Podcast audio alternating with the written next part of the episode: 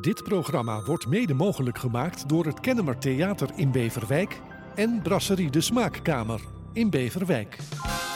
Boeiende gesprekken met bekende en minder bekende gasten. Dit is Bekijk het maar met Maus Granaat. Welkom lieve mensen bij weer een nieuwe podcast van Bekijk het maar. Vandaag ontvangen wij een man die zijn sporen inmiddels heeft verdiend. Hij wordt veel gevraagd als gastspreker of als schrijver, vertegenwoordigt het Joods Museum en het Joods Cultureel Kwartier over de hele wereld. Hij is voorzitter van de Europese Vereniging van Joodse Musea en bijzonder hoogleraar aan de UvA in Amsterdam. Mag ik jullie voorstellen aan Emiel Schrijver? Welkom. Dank. Fijn dat je er bent en dat je de tijd hebt willen, nemen om naar Wijk en Zee te komen. Uh, Emiel, sinds 2015 ben je directeur van het Joods Museum en het Joods Cultureel Kwartier. Daar kom ik straks nog wel uitgebreid op terug. Maar als ik je even mee terug mag nemen naar je jeugd, kun je vertellen waar je vandaan komt en uit wat voor soort gezin je komt? Ik kom uit een, uit een gemengd Joods gezin, een Joodse vader, niet Joodse moeder. En, en een gezin waarbij het Jodendom heel prominent aanwezig was in Haarlem. Uh, ik ben geboren in Amsterdam, maar opgegroeid in Haarlem. Ik ben als student weer naar Amsterdam gegaan en woon inmiddels ook alweer 25, meer dan 25 jaar in Haarlem. Dus ik ben van allebei een beetje. Wijk aan Zee was dus ook niet zo ver. Nee, nee. En uh, ik, uh, ja, ik, ik kom uit een niet per se intellectueel gezin, wel een warm gezin. Met, uh, met veel belangstelling voor Ajax. En ja. met een soort vanzelfsprekende. Ik heb veel gevoetbald. Ik heb als jonge, jongen nog in de betaalde jeugd bij, bij Haarlem gevoetbald of gekiept. Ja. En een beetje een eenling. Ja, als ik mijn jeugd zou moeten samenvatten, is dat een gelukkige, rustige jeugd. Ja. Met lieve ouders en een heleboel voetbal. En een heleboel voetbal. En, maar ook een beetje uh, uh, opgegroeid met de Joodse tradities, of dat weer niet? Ja, niet, ja en nee. Dus het was, er altijd, het was altijd aanwezig. En, uh, maar het is niet zo dat we, dat we ons aan de feestdagen hielden of wat dan ook. Dus we zijn, we zijn echt. ja, het, nee, het was meer, de, laten we zeggen, die moderne Joodse identiteit van zoveel mensen je weet dat je tot een groep behoort. Je voelt je ook uh, onderdeel van de tot, groep ja. en aangetrokken daartoe. En ik ging Hebreeuws studeren. Wij gingen, ik ging als uh, 16-jarige voor het eerst naar Israël. Dat was ook geen toeval. En, uh, en toen dacht ik, die, die letters die wil ik kunnen lezen en die taal, die wil ik kennen. Ja. Wat zat met de Berry Friedgam ken? Maar gewoon? Ja? Oké. Okay. Goed, we zullen het niet in het Hebreeuws doen, nee. want ik ben bang dat dan iedereen afhaakt. Um, eind jaren 20 van de vorige eeuw uh, zijn jouw grootouders van vaderskant vertrokken naar Nederlands-Indië om daar een, nou zeg maar een beter leven op te bouwen. Um, jouw vader is van 34, als ik het goed gelezen ja. heb. Hij is in Indonesië geboren. Hij is in Indonesië. Zijn ouders zijn echt in de crisis, 29, zoals zoveel Nederlanders. Uh, naar Indonesië vertrokken, en, ja. En hebben daar ja, tot aan de oorlog eigenlijk een uh, prima leven geleid. Dus echt gewoon de nieuwe mogelijkheden opgezocht van de, de toenmalige kolonie. Uh, ik heb ergens gelezen dat uh, um, jouw groot of, of jouw vader in dat hij zijn eigen oorlogsverleden minder van betekenis vond dan datgene wat gebeurd is in de Tweede Wereldoorlog hier. Ja, hij zei, hij, hij zei dat bij meer dan één gelegenheid eigenlijk. Als het ter sprake kwam, het is het, het ja, hoe moet ik dat zeggen, het bittere van Joden die in de kampen in Indonesië zaten, dat ze terugkwamen geconfronteerd werden met ja, de afwezigheid van familie, want die waren bijna allemaal vermoord. Ja. En tegelijkertijd ook het besef dat, dat ja, ze, ze zaten in concentratiekampen in Indonesië, maar niet in vernietigingskampen. Geen interneringskampen? Nou ja, ze zaten wel vast, maar ze waren, oh. als, uh, maar ze waren als, uh, als Nederlanders vastgezet, als Westerlingen vastgezet. Dus net, samen, net als alle andere Nederlanders die daar waren. En het feit dat ze Joods waren, deed niet ter zake. En dat is. Uh, dat maakt natuurlijk die. die, die de terugkeer van die mensen, de, de confrontatie met wat er in Europa gebeurt is, ja, die was heel ingewikkeld. Want, Waren ze daarvan op de hoogte in Indonesië? Weet nee, er is een, er is een uh, nee, er is een hele, uh, ja, hoe moet ik dat zeggen, hele indrukwekkende brief, die, die ons eigenlijk pas geworden is, als ik het zo kan zeggen, na, de, na het overlijden van mijn eigen vader in 1998. Een brief die geschreven is door mijn, eh, door mijn grootvader in Indonesië. Heb ik gelezen, ja. ja. ja. En, en, en die brief, die is, uh, daarin schrijft hij in augustus 45 aan zijn moeder.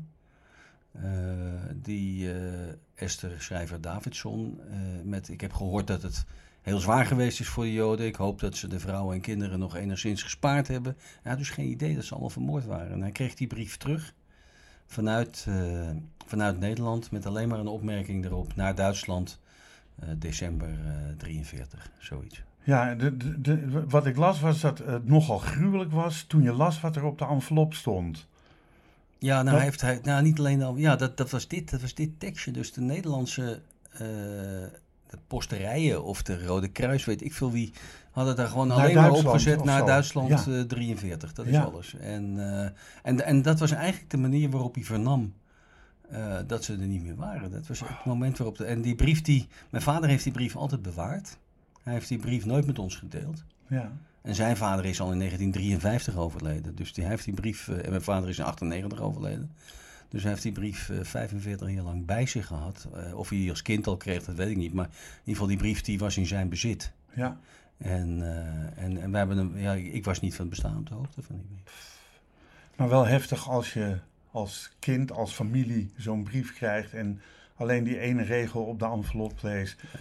Heb jij veel meegekregen van de oorlog thuis? Ja, dat was, dat was, dat was eigenlijk ook een, zoals zoveel. Hè. Ik, ik, ik zeg vaak uh, dat die oorlog in, in Joodse gezinnen na de oorlog uh, aanwezig was, ook als, hij, ook als er nooit over gesproken werd. Hm. Dus ook als het niet. Uh, en, en misschien, vaak was ook juist die stilte erover, de permanente aanwezigheid ervan. Dat was bij ons minder. Mijn vader heeft heel veel verteld over de, over de kampen in Indonesië, maar ook niet alles. Want ik heb ook van zijn broer, zijn oudste broer, die veel ouder geworden is dan hij, een paar jaar geleden is overleden, allerlei verhalen gehoord over die oorlog die hij ook niet met ons gedeeld heeft. Oh ja. En, uh, voel, je, voel je dat als een tekortkoming dat hij dat niet verteld nee, heeft en dat je dat van een ander moet horen? Nee, oh. niet. nee ik heb daar. Ik moet zeggen, ik heb een hele. Uh, ik had net als iedereen, er zijn allerlei momenten. Mijn vader die kwam uit het zakenleven, een, bond, een bondhandelaar. En, uh, en ik was de eerste oudste zoon en de eerste die ging studeren in de familie. Ja. En, uh, en je kon wel merken dat hij niet, ja, niet echt wat aankon met zo'n jongen die zo nodig moest studeren. Dus hij was er trots op, maar hij wist ook niet precies. Ik, ik kan me herinneren. Hij wist niet wat hij ermee moest. Nee, nee, ik kan me herinneren dat ik wel eens helemaal naar het eind, nog aan het eind van zijn leven, toen ik al lang gepromoveerd was en al lang uh, een nette baan had. En toen ging ik een keertje mee naar een lezing. We zaten vaak samen in de auto. Ik had een prima relatie met mijn vader. Ja. En toen was hij na afloop van die, uh, van die lezing, uh, vroeg ik aan hem hoe hij het vond. En toen zei hij, daar kun je minstens dubbele voor vragen. Oh, die denkt in geld. Dat was de referentie. Ja, de referentie was gewoon van je moet gewaardeerd worden op wat je kan. Ja. Hij kwam uit het zakenleven. Dus dat moet, en, en dat was een, uh, ja, dat was een, voor, voor mij ook tegelijkertijd, aan de ene kant een erkenning van het feit dat hij het waardeerde. Maar mijn vader was dito. Dan deed ik een extra opleiding binnen de gezondheidszorg. Ja. Hij zei, wat krijg je daar nou extra voor? Ik, Pap, ik ben geslaagd. Ja. ja, wat verdien je nou meer? Dat, dat, uh, dat soort dingen, ja. Ik gaf, al, ik gaf als 29-jarige mijn, uh, mijn eerste lezing in New York. Mijn vader die kwam me ophalen voor Schiphol, heel lief. En vroeg toen, uh, als eerste vraag in de auto was... heb je nog wat verdiend, jongen? En uh, ja, dat is een heel ander, ja, ik zou bijna een heel ander referentiekader, noem je dat tegenwoordig, van, ja. van een vreselijk woord, maar een heel andere manier om, ja. om het leven in te delen. Dat is eigenlijk alleen maar datgene wat jij hebt meegemaakt. Ja, maar dat is ook maar hij waarderen. Maar, maar dat is, ja, precies. Nou, maar wel grappig. Um, was je als, als kind ook al geïnteresseerd in de, in de Joodse geschiedenis? Uh, doe ik ook een klein beetje op het boek wat je hebt geschreven en zo. Uh, was je daar als kind al geïnteresseerd in? Of hoe is dat bij jou gegaan? Of hoe heb je dat ontwikkeld? Ja, ik had wel altijd. Uh, nou, ik was niet per se ontzettend. Ik, ik heb veel gelezen. Ik was niet per se ontzettend op zoek naar. naar, naar alleen maar boeken over geschiedenis lezen. Maar die oorlog was wel heel permanent, was wel heel, heel dwingend aanwezig in. Bijvoorbeeld in onze boekenkast. Die boekenkast ja. was niet groot. En het grootste gedeelte wat erin stond ging over de oorlog. Voel je een tweede, oor, tweede generatie slachtoffer? Mm, ik zou twintig jaar geleden gezegd hebben nee. Uh, tien jaar geleden zou ik gezegd hebben uh, misschien. En nu zou ik zeggen ik misschien wel. Ja. En, eh, en ik zeg dat ook, ik heb wel eens in een, toen ik directeur van dit museum werd, heb ik, en, en dus ook van het Nationaal Holocaust Museum, eh, heb ik tegen Esther Voet van het NIW in een interview eens een keer gezegd, ik ben eerst 35 jaar succesvol om de oorlog heen gelopen, om daarna directeur te worden van het Nationaal Holocaust Museum. En, dat, en ik voel me eigenlijk op dit moment niet meer ik voel me niet per se een, een, een, tweede generatie slachtoffer, maar ik kan niet net doen alsof het er niet is, want Nee. het is er iedere dag. ja. ja. En, eh, en dat, dat, Maar eh, eigenlijk, eh Emiel, gebeurt hetzelfde nu in de Oekraïne. Eh, waar mensen nu vermoord worden, hun familie kwijtraken. Dat duurt ook weer generaties voordat men daar overheen is. ja, En dan denk ik, goh, meneer eh, Poetin, eh, we leven in 2022. Hoe? Maar we moeten dat dus ook durven benoemen. Er is een ontzettende neiging om, om, laten we zeggen, de gebeurtenissen in de Holocaust als het, en- en de terechte keuze om de gebeurtenissen in de Holocaust als een uiting van het ultieme kwaad te zien. Eh, maar wat we moeten durven is, is kijken wat er nodig is om tot dat ultieme kwaad te komen. De stappen die onderweg naar dat ultieme kwaad gezet worden, te onderkennen. En op de momenten dat er vergelijkbare dingen gebeuren, die misschien niet tot hetzelfde einde leiden, maar dat je, moet je het wel hardop met elkaar durven vergelijken. Ja. Ik kreeg eens een keer de vraag naar aanleiding van de, eh, de, de kampen die, eh, die Donald Trump eh, inrichtte eh, voor Mexicanen die de grens over wilden, aan de. Mexicaanse grens. Het National Holocaust Museum, of het Amerikaanse Holocaust Museum het, eh, in, in, in Washington, die hebben toen een, een, eh, een soort verklaring uitgebracht waarin ze zich verzetten tegen het idee dat je dat concentratiekampen zou noemen. Ik kreeg, ik denk van de New York Times, maar van de Amerikaanse krant dezelfde vraag. En ik zei, maar je kan niet ontkennen dat dat kampen zijn waarin mensen geconcentreerd worden.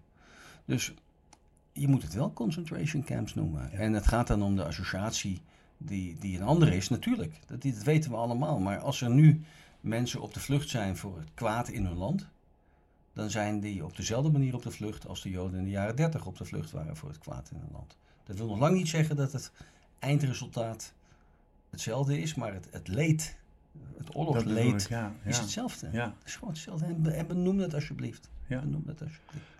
Er wordt te weinig gedaan, Emiel. Eh, jammer is dat. En iedereen, ik denk wel eens, ja, al die eh, praatprogramma's op tv, iedereen wil er overheen piezen om, om, eh, om zijn zegje te zeggen. Ja. En ondertussen gebeurt er gewoon eigenlijk niks. Nee. En voert maar één man de macht daar. En dat was in 40, 45 ook zo. Maar goed, dat hameren we niet in, eh, in één interview af. Daar kom je gewoon nog een aantal keren voor terug. Prima.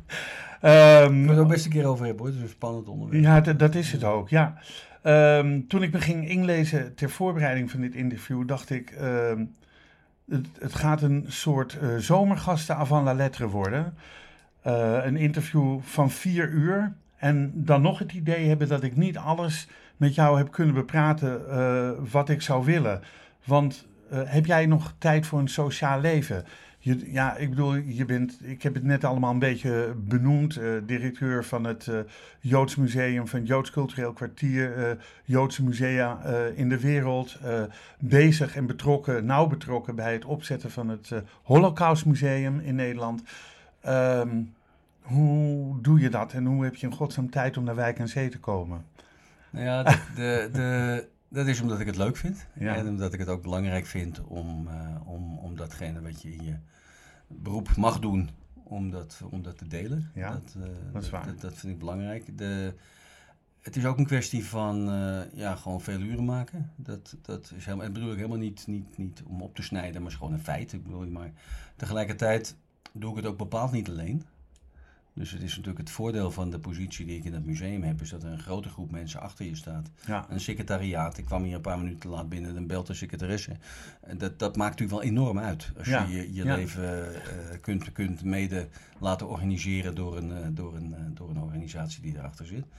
En ja, het is ook een kwestie van bepaalde dingen rigoureus belangrijk vinden. Dus als je ik voel dat als een compliment bijna. Nee, nee, dat is ook terecht. En, en, maar het geldt ook voor het schrijven van zo'n boek. En het geldt voor, het, voor, het, eh, voor, voor, voor andere dingen. Het is een, een poging om... Of, ja, ik, ik, maar je moet gewoon heldere keuzes daarin maken. Ik probeer te sporten. Ik probeer een... Ja, ik, ik heb nog wel een sociaal leven. Maar ik ben ook, eh, ook wel veel aan het werk. Ja.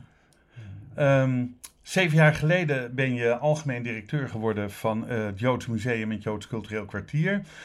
Wat hebben de afgelopen zeven jaar jou gebracht en wat heb jij voor het museum en het Joods Cultureel Kwartier kunnen bereiken?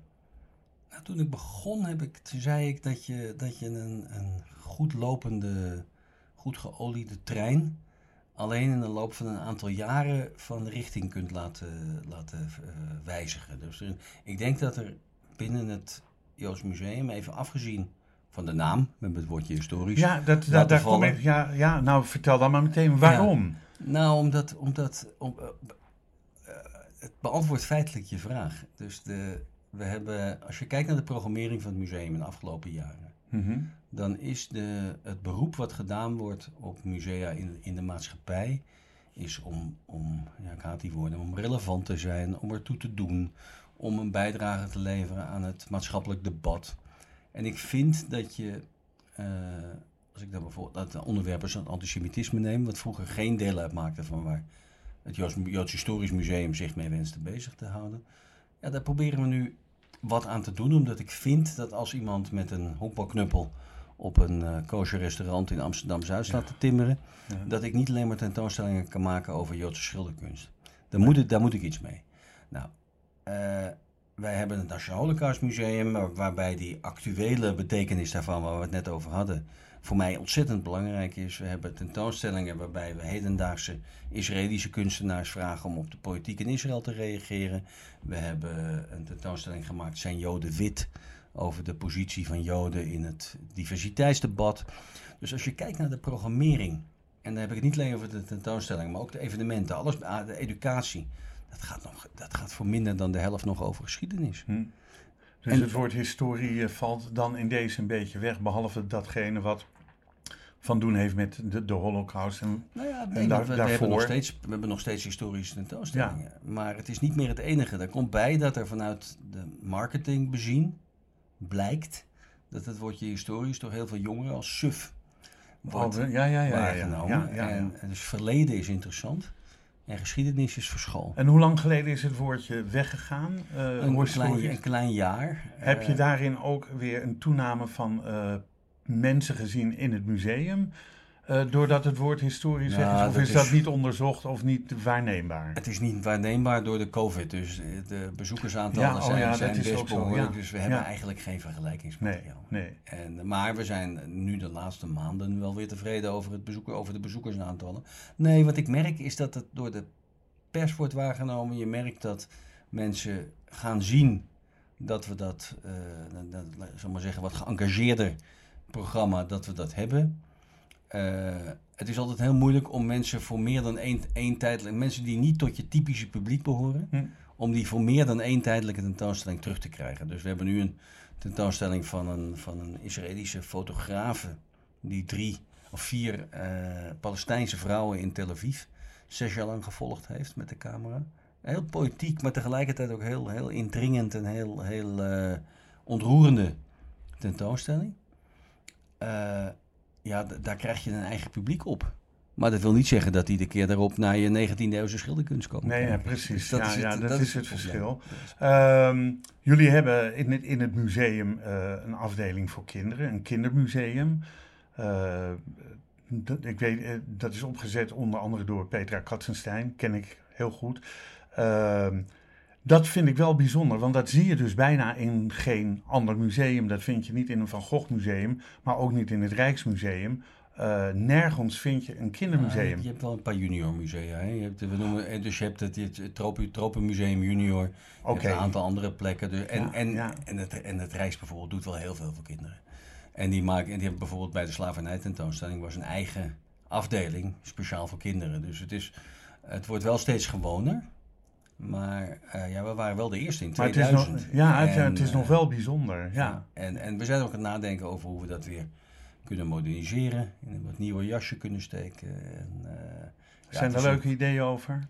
Al? Ja, die zijn er wel. Ja, kan je al wat delen? Niet werkelijk. Het zal wel wat meer. Het, we, hebben nu, het is nu heel erg vanuit het gedachte van een familie die je bezoekt. Een ja. Joodse familie die je bezoekt.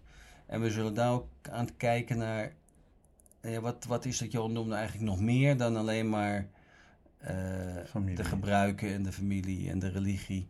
Er zijn ook allerlei andere aspecten aan het Jodendom. De internationaliteit van het Jodendom. Er zijn ook Joden in Jemen en in, en in de Verenigde Staten en in Rusland. Afrika, en ja. en, en Ja. die, die hebben ook allemaal. Dus we proberen daar wat meer in eh, te zoeken. Maar we zijn nog op zoek. Dat duurt nog wel een paar jaar. Oh, oké. Nou, dan hebben jullie nog wat te doen, Ja. in ieder geval. Ehm, jullie hebben natuurlijk eh, ja, een aantal vaste tentoonstellingen, ook vaak tijdelijke tentoonstellingen.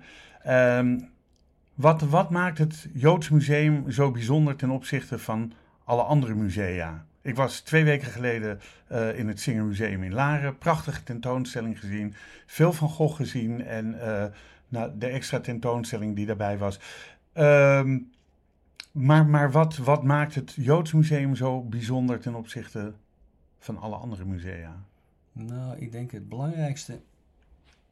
En dat geldt ook voor sommige andere musea. Maar ik denk als je een vergelijking zou willen maken met, met, eh, met twee, twee andere musea in Nederland. dan kom je eigenlijk uit bij het Katerijnenconvent en het Tijlersmuseum.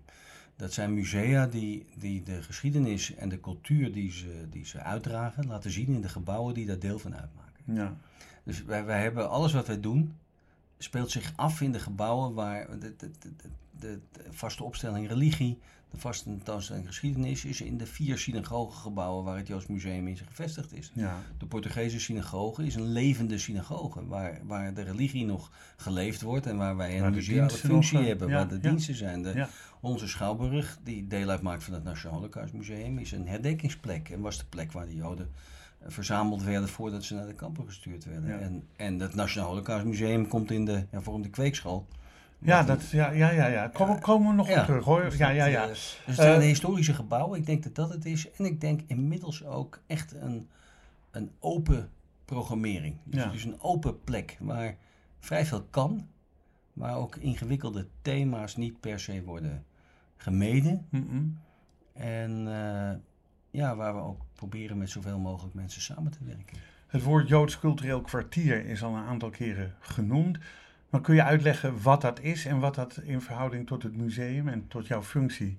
Ja, kijk, het Joods Cultureel Kwartier is eigenlijk de merknaam van de, van de vier musea die wij runnen.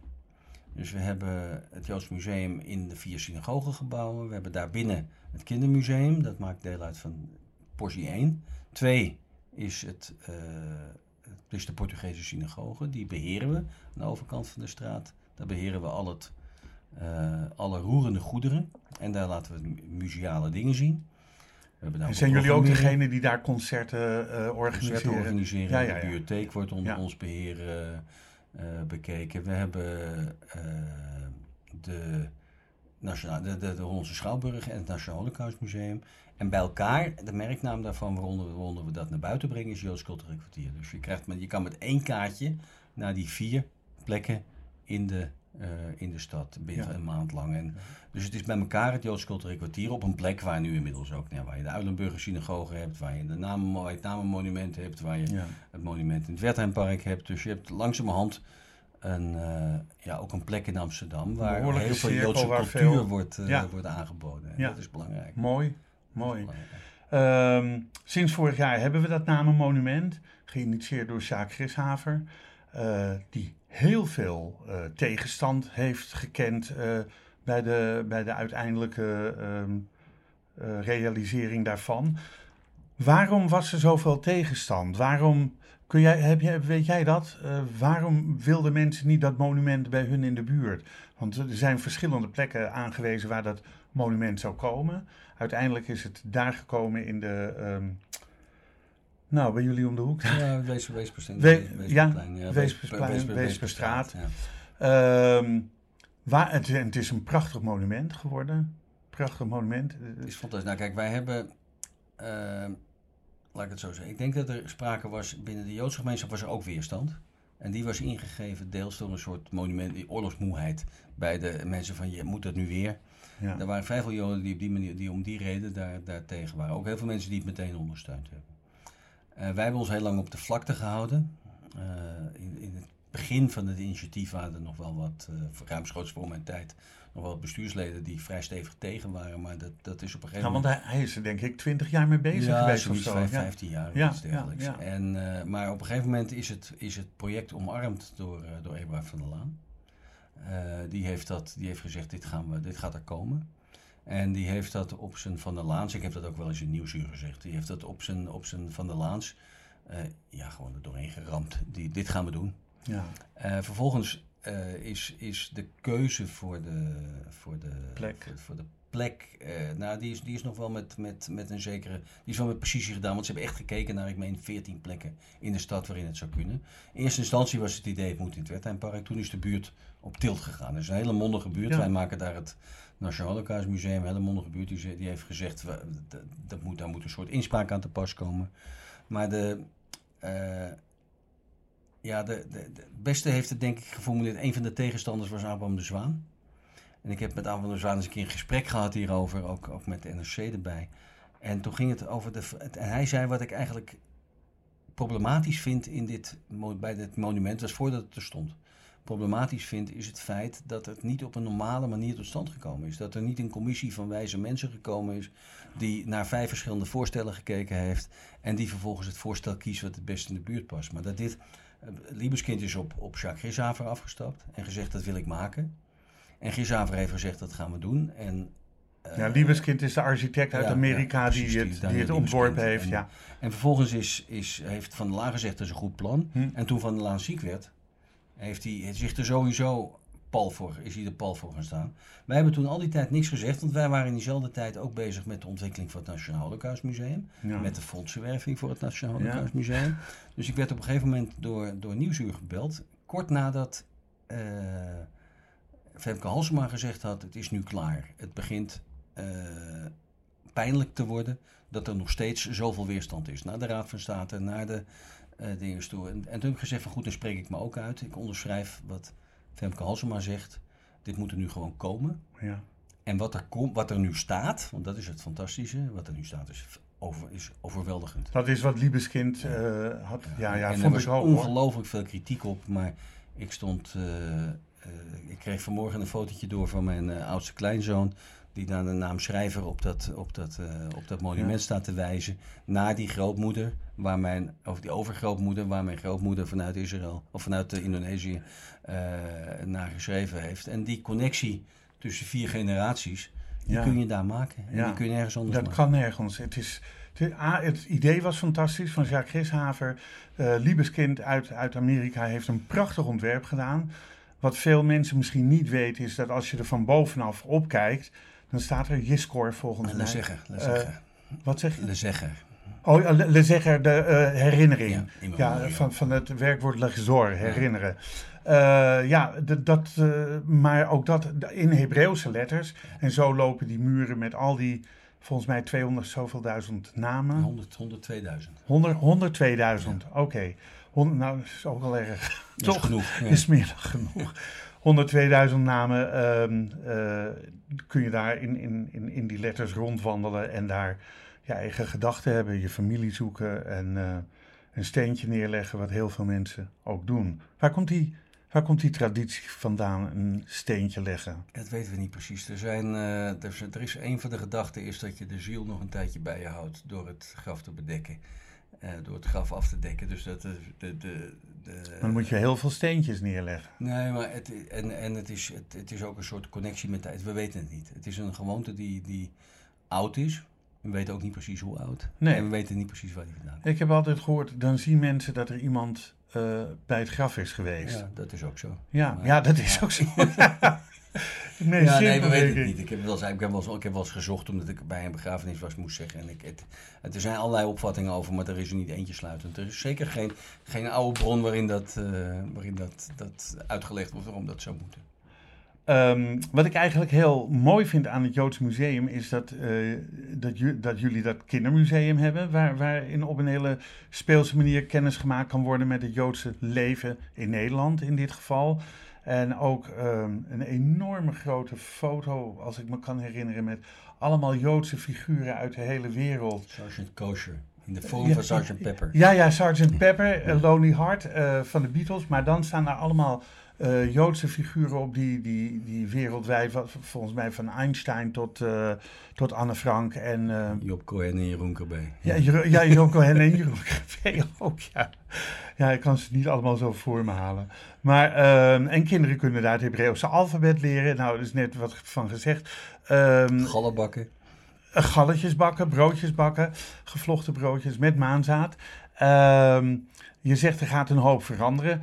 Uh, bedoel je daar ook mee dat er meer gedigitaliseerd gaat worden en dat kinderen op een speelsere manier um, hun, hun, uh, ja, hun creativiteit kunnen uiten? Of, uh, ja, we, met... we hebben nu al een, een, een VR-installatie op de bovenste verdieping als een soort experiment voor de toekomst.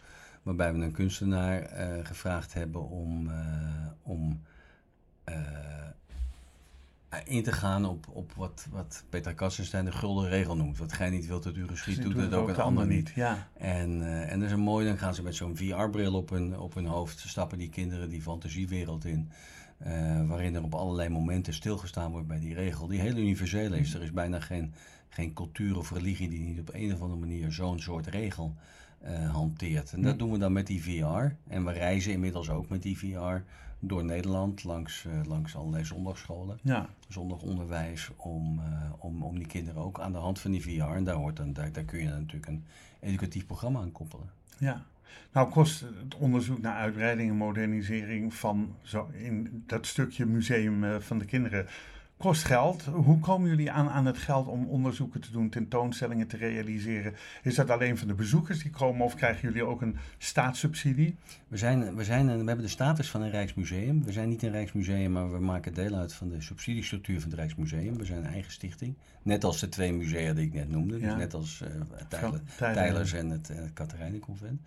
Uh, de gebouwen zijn ook van ons, dat is ook anders dan bij Rijksmusea. Maar we, hebben, we zitten wel in dezelfde structuren. We maken omdat we erfgoed beheren, vallen we onder de erfgoedwet. Dat betekent dat we, dat we een stevige overheidssubsidie krijgen waar we de deuren van kunnen open doen, de vloeren van kunnen schrobben en de salarissen kunnen betalen. Ja, nou, dat is moeilijk. Alles wat we verder moeten doen aan tentoonstellingen werven we. Dat gaat via stichtingen, via fondsen, via privépersonen, het Nationaal Holocaustmuseum. Maar daar moet iemand een heel jaar mee bezig zijn om al die fondsen aan te schrijven. We hebben vier, vijf mensen. Het is ook een belangrijk deel van mijn taak. Ja. Ik, we hebben vier, vijf mensen. Als je uitrekent wie er allemaal bezig zijn met een, op enig niveau met het werven van middelen. Uh, dan zijn dat uh, iemand die zich bezighoudt met de grote gevers, iemand die zich bezighoudt met de fondsenwerving in het algemeen via de fondsen, maar ook, ook een deel van de belangrijke gevers. We hebben een administrateur voor onze vriendenstichting. We hebben ook een administrateur die de projectadministratie bijhoudt, want je kan wel geld vragen, maar je moet het ook verantwoorden. Ja. En het is een belangrijke taak van de directie. Dus de, de, ik, ik ben zakelijk met zakelijk directeur Liesbeth Bijvoet, ben ik de vooruitgeschoven post in het, in het onderhouden van de relaties met grote gevers. En mensen geven veel geld. Het Nationaal Holocaustmuseum is een project waar we bijna, bijna 29 miljoen voor hebben opgehaald. Ja. Een deel daarvan is, is overheidsgeld. Hm. Het is ook, ook Duitse overheidsgeld. We hebben recent ook overheids, uh, Oostenrijkse overheidsgeld. Ja, dat uh, heb ik gegeven. Vier ton of zo. Vier ton, dat ja. is 10% ja. van wat we van Duitsland krijgen. Ja. Met als achterliggende gedachte dat uh, de Oostenrijkse staatsbegroting 10% is van, van de Duitse staatsbegroting. Dus is, is het van Duitsland ook een soort charme-offensief nog vanuit 40, 45 of... Nee, het is kan je dat vanuit, niet zo zien? Het is wel vanuit het verantwoordelijkheidsgevoel voor 40, 45, ja. maar het is uh, denk ik, oprechte betrokkenheid, een oprechte poging om het om, om laten we zeggen, bij te dragen aan een, aan een betere wereld. Ja, ja. Dat, dat durf ik wel hardop te zeggen. En, nou, dat is mooi. Ja. Um, uh, wa, wa, uh, waar is het Joods Museum en het Joods Cultureel Kwartier, voor mensen die dat niet weten, gevestigd? Kun je het uitleggen? In, in, het hart van Amsterdam. Dus ja. het, is, het, het zijn vier vier voor de, de, de vroegste Joden, Joden die naar Amsterdam kwamen, die kwamen aan het eind van de 15e eeuw. Dat waren Portugese Joden. Bij het Waterloopplein in de, Bij de Jodenbreestraat. Precies. Ja. Echt, in, echt in het hart van Amsterdam. Waterloopplein is het precies, denk ik, uh, waar, het, waar het zich allemaal omheen bevindt. En het Nationaal Holocaust Museum in de Hollandse Schouwburg. En dat is bij, bij Artis in de plantagebuurt. Ja. Dat is allemaal op, op uh, 500 meter lopen. We praten niet over kilometers. Nee, nee. Um, en uh, het zijn vier voormalige synagogengebouwen waar het Joods Museum in gevestigd is. Het oudste van 1671. van de Hoogduitse Joden. De Joden die uit Duitsland, Oost-Europa naar Amsterdam kwamen in de jaren 40 van de 17e eeuw. En de Portugese synagoge, het gebouw wat iets later is, van 1675. 72 klaar, maar 75 ingewijd. Van, de, van die gemeenschap die er dus al een, paar, al een aantal generaties was. Vanaf het einde van de 16e eeuw. Ja. En ja, die, die, dat zijn twee gigantische religieuze gebouwen. Of eigenlijk vier synagoges plus die Portugese synagoge. Vijf synagogegebouwen. En ja, in het hart van Amsterdam. Niet binnen de, binnen de grachten, maar direct daarbuiten. Dus Ja. het is ook een... Ja, en, en al vanaf de 17e eeuw. En hebben Tegenover de Stopra, mag ik het zo zeggen. Daar Ja, is de Waterloopplein. Ja, Aan de andere kant tegenover de Stopra, ja, daar is de synagoge. En ja, de, en binnen die cirkel kun je gewoon daar. lekker wandelen. En als je daar interesse in hebt, eh, natuurlijk eh, alles bekijken. Nou, er wordt hard gewerkt aan dat, eh, aan dat Holocaust Museum in de voormalige hervormde kweekschool. Je benoemde het al aan de Middelaan, Plantage Middelaan moet ik zeggen.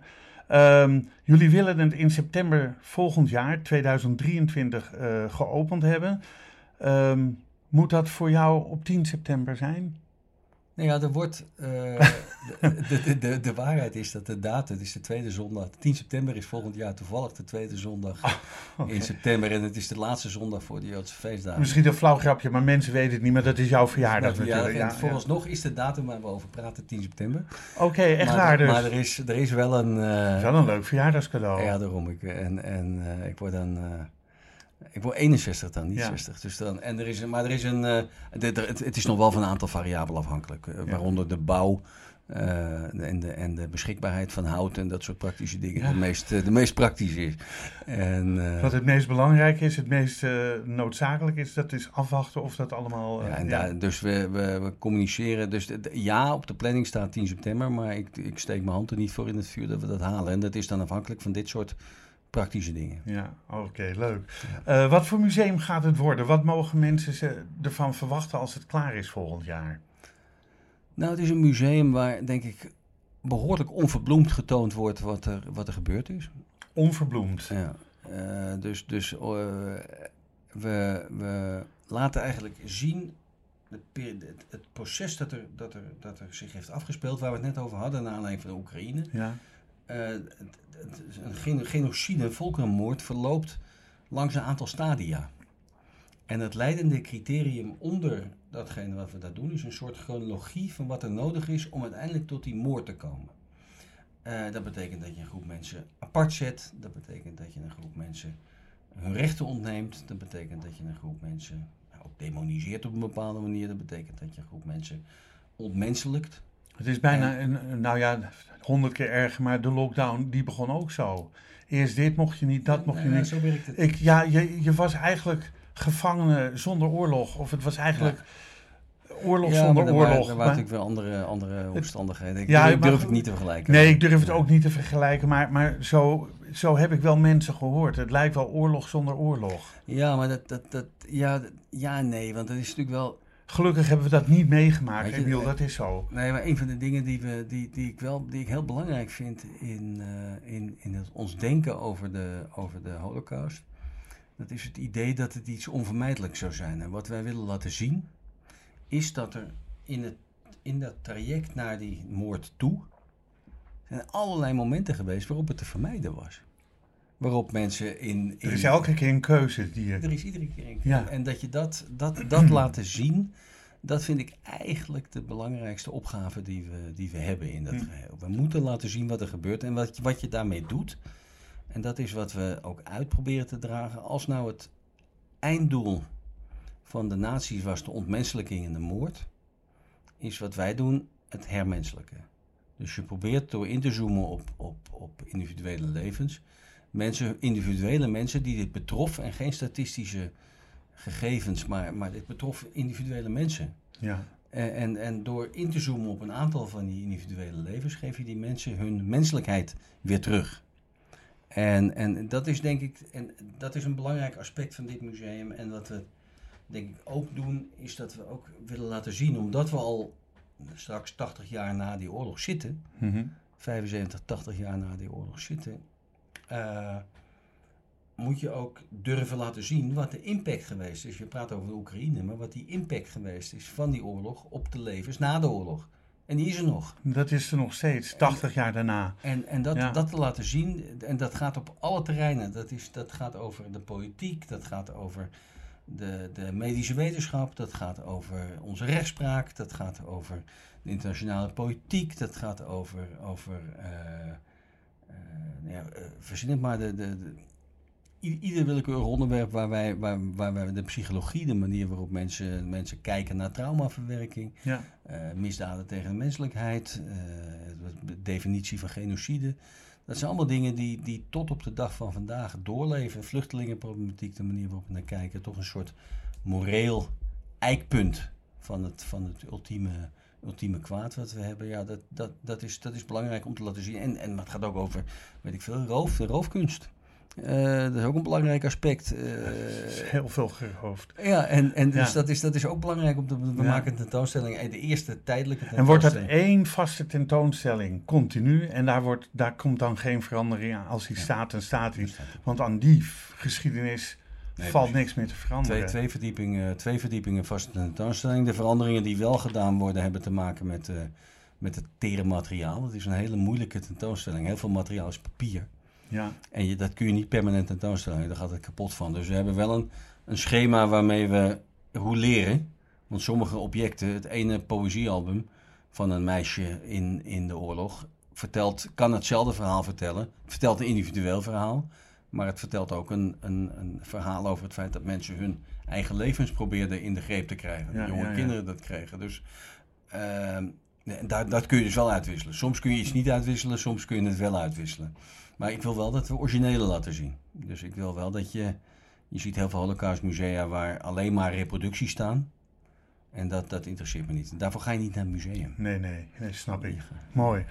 Ehm, ja, we hebben het al gehad over de, de, de 27 miljoen die het eh, gaat kosten. Maar in Duitsland, wat, wat Duitsland geschonken heeft. Ja, je, je pakt zo allemaal vragen voor me weg. Dat geeft niet, Emiel. Eh, er is nog zoveel meer, maar ik wil het ook eventjes hebben ehm, op het moment waarop je besloot ehm, je achternaam echt vorm te geven. Je heet schrijver van je achternaam en je dacht, dat ga ik maar eens doen. Ja, nou, ik schreef al een tijdje, hè? dus ik, ik, ik heb een... Ja, maar dan, ik, ik heb nog nooit een boek van je gezien, behalve... Nee, nee, nee, maar geen fictie. Geen fictie. Dus nee, dus nee. ik heb, eh, wat, ik, wat ik in een, ik geloof in het parool gezegd heb, eh, ik ben een, een debutant met 300 publicaties. Eh, dus ik heb eh, heel veel wetenschappelijke artikelen geschreven. Ik heb ja. heel veel essays geschreven, krantenartikelen, recensies, weet ik veel. Ik, ik, ik schrijf heel veel, mijn hele Ja. leven al. Ja, En net als iedere eh, ambitieuze intellectueel had ik het gevoel dat ik ook een roman zou moeten kunnen schrijven. En het- ik zeg dat bewust zo badinerend, want zo bedoel ik het ook. nee, ja, ja. ja. En toen was ik in, eh, in 1994 is dat geweest. Was ik in 95 misschien, was ik in Israël. En daar zat ik bij een, eh, een, een dus ik was een jonge man, eh, begin 30. En eh, ik zat in Israël en er zat een schrijfster aan tafel bij een verzamelaar waar ik, eh, waar ik zat, waar ik graag kom. En, eh, en ik zei dat op dezelfde badineer. Want ik zou ook wel eens een roman willen schrijven. En die begon heel hard te lachen. Haha, weer zo'n intellectueel die denkt dat hij een roman kan schrijven. En toen dacht ik, weet je wat? Dat was de trigger. Nee, omgekeerd. Toen dacht ik, vrouw heeft gelijk. Laat ik Oh, gewoon ja. stoppen. Dus toen heb ik het idee heb ik begraven. En toen heb ik gewoon, en daar hebben we jarenlang niets meer mee gedaan. En, maar op een gegeven moment in het reizende bestaan wat ik geleid heb als, als handschriftenman, want dat is mijn eigenlijke vak. Ik ben nu museumdirecteur, maar mijn, mijn vakkennis is de kennis van het oude Joodse boek. Ja, En eh, ik, heb heel veel, ik heb in het verleden voor Christie's gewerkt. Ik heb voor handelaren gewerkt. Ik werk nog steeds voor een verzamelaar in Zwitserland. Eh, ik heb heel veel, eh, nog, heel veel ervaring opgedaan de loop der jaren. Met bezoeken aan bijzondere verzamelaars. Met werken voor Hasidische handelaren in Brooklyn. ja, ja. Eh, weet ik, allemaal, Die komen er allemaal in voor. ja, die komen wel weer voor. Met, met, met, met ontmoetingen die, die, die, die, die de meeste mensen niet hebben. Wij, wij, Nee. wij kennen... eh, ik, bedoel, ik, ik kom door dit werk in, in een fascinerende wereld van mensen voor wie geld geen betekenis heeft. Ja. Mensen die, die eh, weet ik veel, een miljard hebben. En die dus als ze iets willen, dat krijgen, omdat ze het willen. Ja, ja. En, en dat, dat is een, een, een manier van leven die fascinerend is. Om, en er zijn alle varianten van ontzettend integere, door en door eh, zuivere mensen ja. tot, tot schurken. eh, die allemaal op dezelfde manier, eh, het allemaal in diezelfde wereld zich bewegen. Nou, daar komt, toen de- op een gegeven moment werd dat zo, hoopte zich dat zo op. Ik Ja. dacht van ja, dit is toch echt gewoon voer voor een roman. Toen ben ik gaan schrijven, zo vanaf 2007, 8 denk ik. En toen, eh, en, maar goed, ik heb, er, ik heb er helemaal geen tijd Maar, voor. maar- nee, maar hoe, hoe ja, nou precies dat, dat dus ook, met al je functies, je nevenfuncties, je lezingen. En al- morgen ga je weer naar Amerika voor Ja. elf dagen, hoorde ik mij influisteren. Ehm, maar hoe kom je op dit verhaal? Want het is, ik, ik wou bijna zeggen, kunnen we de Nederlandse Dan Brown noemen? Want het is Nou ja, een, dat heeft de uitgever al gedaan. En, Oh, oh ja? En, en vervolgens Oh. was er een andere... eh, ik las de synopsis van het verhaal, toen Ja. denk ik, nou, het is een soort eh, Dan Brown P- 2.0 versie. eh, Ja, vervolgens was er een andere, een andere schrijver, Jeroen Winmeijer, die dit soort dingen ook schrijft, met wie ik inmiddels veel contact heb, ontzettend leuke vent. En die zei, maar dat was ik toch al, de Nederlandse Dan Brown, Oh. die bleek door zijn uitgever als Nederlands. Oké. En, eh, maar nee, dus het, het, is een, het is een vergelijkbaar soort verhaal. Eh, het is wel ontstaan in een wereld die ik echt ken. Ja, Eh, dus ik, met al die Hasidische Joden in New York. En, Ja. en, nou, en, en- en ja, on- dat- on- ongemakkelijke, ongemakkelijke verzamelaars van antisemitica en alles wat er een rol in speelt. Een hoofdpersoon die, die, die zich in die, als een soort vrijbuiter in die wereld, eh, gaat storten wereld om, beweegt. om die documenten te zoeken. Kijk, en, dat, en die Ja. Hillel Codex, dat is een. Ik was op een gegeven moment aan het werk bij, mijn, eh, bij een Zwitserse verzamelaar, waar ik nog steeds voor werk. En, en die. eh, dat is de grootste verzamelaar van Joodse manuscripten in de wereld. En ik ben Ja. zijn privéconservator. En die, die had een manuscript, een Bijbel, een Hebreeuwse Bijbel, dus alleen het Oude Testament in het Hebreeuws.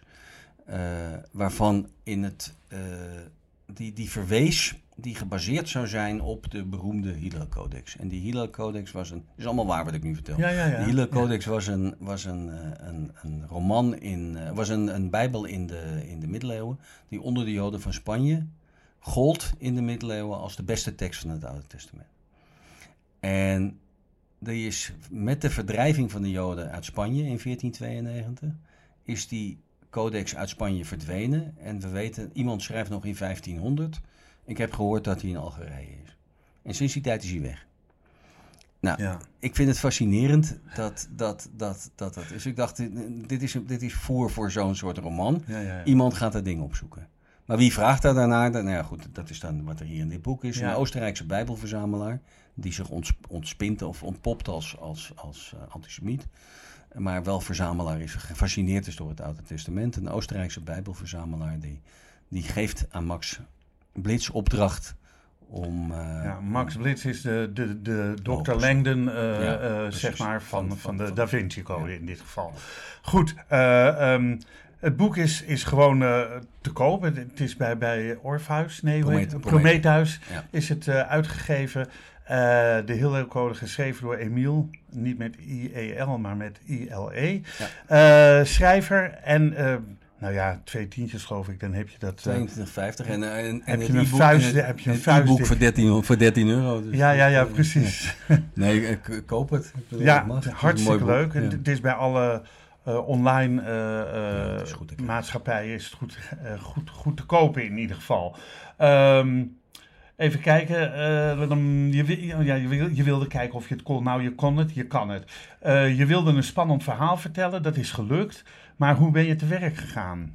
Nou, ik, ben eerst gaan schrijven en ik, ik ben gewoon, gewoon begonnen met schrijven, zonder dat ik het werkelijk kon. Ja, En eh, ik bedoel, ik kan wel woorden achter elkaar zetten in de juiste volgorde, maar dat is nog iets anders dan fictie, ja, fictie schrijven. Toen, toen heb ik op een gegeven moment in 2015 heb ik dit laten lezen, misschien zelfs ietsje eerder, de eerste 160 bladzijden laten lezen aan, eh, aan een bevriende uitgever. eh, die niet meer bij uitgeverij werkt. Eh, Judith Uiterlinde werkte vroeger bij Meulenhof. En zij zei, zij las dat heel kritisch, 150 bladzijden die ik had, en zei: Je hebt een prachtige plot en alle ijdelheid die erin zit, moet eruit. Dat was eigenlijk de samen, alle intellectuele ijdelheden die erin zitten. Dus, en ik wist dat ze gelijk had. ja, ja. Eh, maar ik werd museumdirecteur en had ook andere dingen te doen. Dus dat, eh, als ik op vakantie was en de kinderen gingen skiën, dan pakte ik mijn laptop en ging ik weer een beetje klooien aan die tekst. Maar ja, dat is iets anders dan een roman schrijven. Maar ik wist dat ze gelijk had. Dus Ja. ik, en op een gegeven moment in 2019 was ik in. eh, in Hoeveel werd het, die 160 pagina's gereduceerd? Nou, ja, niet eens gereduceerd, want ik, de informatie was wel bruikbaar, maar de vorm was niet goed. Dus ik had, hij had, het ging, was allemaal veel te, veel te veel, wat je in goed Nederlands show and tell zou noemen. Dus veel te veel laten zien wat je allemaal weet. Ja, ja. En je, Oh, en je, moet, oké. en je moet wel, eh, je moet natuurlijk wel je, je lezer de informatie geven die hij nodig heeft om, om, om te begrijpen waar je het over hebt. Ja. Maar je moet niet een vorm kiezen die hem irriteert. Nou goed, toen, toen ben ik, was ik in Vietnam. Toen heb ik op vakantie met mijn vrouw, een, een, een maand. En daar zaten we ruim een week op een tropisch eiland. En daar scheen de zon en daar was een, een, een mooi terras in de schaduw. En toen heb ik mijn laptop opengeklapt en toen ben ik op bladzijde 1 begonnen te herschrijven. En toen ben ik niet meer gestopt. En toen kwam de corona. ja, ja. En Nou. toen kon je doorwerken. En toen kon ik min en meer doorwerken. En toen was er een, een, eh, een, een schrijfster, die moet ik ook wel noemen, Joey Smits, een kinderboekenschrijfster, fantastische kinderboekenschrijfster. En die, die heeft met me meegelezen en die heeft aan een aantal knoppen gedraaid. Dus als iemand, een van de hoofdpersonen heeft een nogal fetischistische relatie met objecten, eh, zonder dat ik te veel prijs geef. Zo iemand die zit, heeft niet alleen een fetische relatie met zijn objecten, maar die zit ook aan zijn stoel te frunniken. En die zit ook met zijn sigaar te rollen. En die, eh, Oh, dus, ja. dus dat soort kleinigheden. Dus het inkleuren van, van personages, Ja. dat heb ik eigenlijk, dat, daar heeft deze schrijfster, Joey Smits, mij, mij ja, gewoon wat knoppen aangezet. En toen ben ik gewoon gaan schrijven. En ik was op een gegeven moment, had ik aan, aan Prometheus... je geboeid door je eigen verhaal terwijl je bezig bent? Daar kan ik me zo. Ja, het was gewoon. Ik had er vooral, vooral heel veel plezier in om een, iets te creëren. Ik ben natuurlijk onderzoeker, ik ben hoogleraar, ik, ben, ik, ik leid studenten op Mhm. met, met eh, het idee dat alles wat je schrijft verifieerbaar moet zijn. Je moet altijd, moet altijd duidelijk zijn waar je het vandaan hebt. Mhm. En als je, als je het zelf verzonnen hebt, dan moet je het zo opschrijven dat duidelijk is dat je het zelf verzonnen hebt. Dat leren wij aan onze studenten. Ja, ja. Eh, dit, mag, dit hoeft helemaal niet te kloppen. Het moet, het moet, nee, dit, dit hoeft niet waar te zijn. Het moet kloppen. Het moet wel kloppen, Het maar moet kloppen, maar het hoeft niet mag waar te fictie zijn. Maar het is deels fictie, deels. Nee, het is, het is, het is helemaal fictie. Helemaal als, fictie. als hij in een, in een. Maar het boek heeft bestaan. Ja, ja. Maar, maar, maar we hebben het niet gevonden. Maar als hij in een. In, hij komt op een gegeven moment zit hij in een bankkluis op een bankje naar een manuscript te kijken. Dat in, een- dat in, een, in een verhuisdoos staat. Terwijl er een oude Hasidische verzamelaar naast hem zit te snurken. Dat is me letterlijk gebeurd.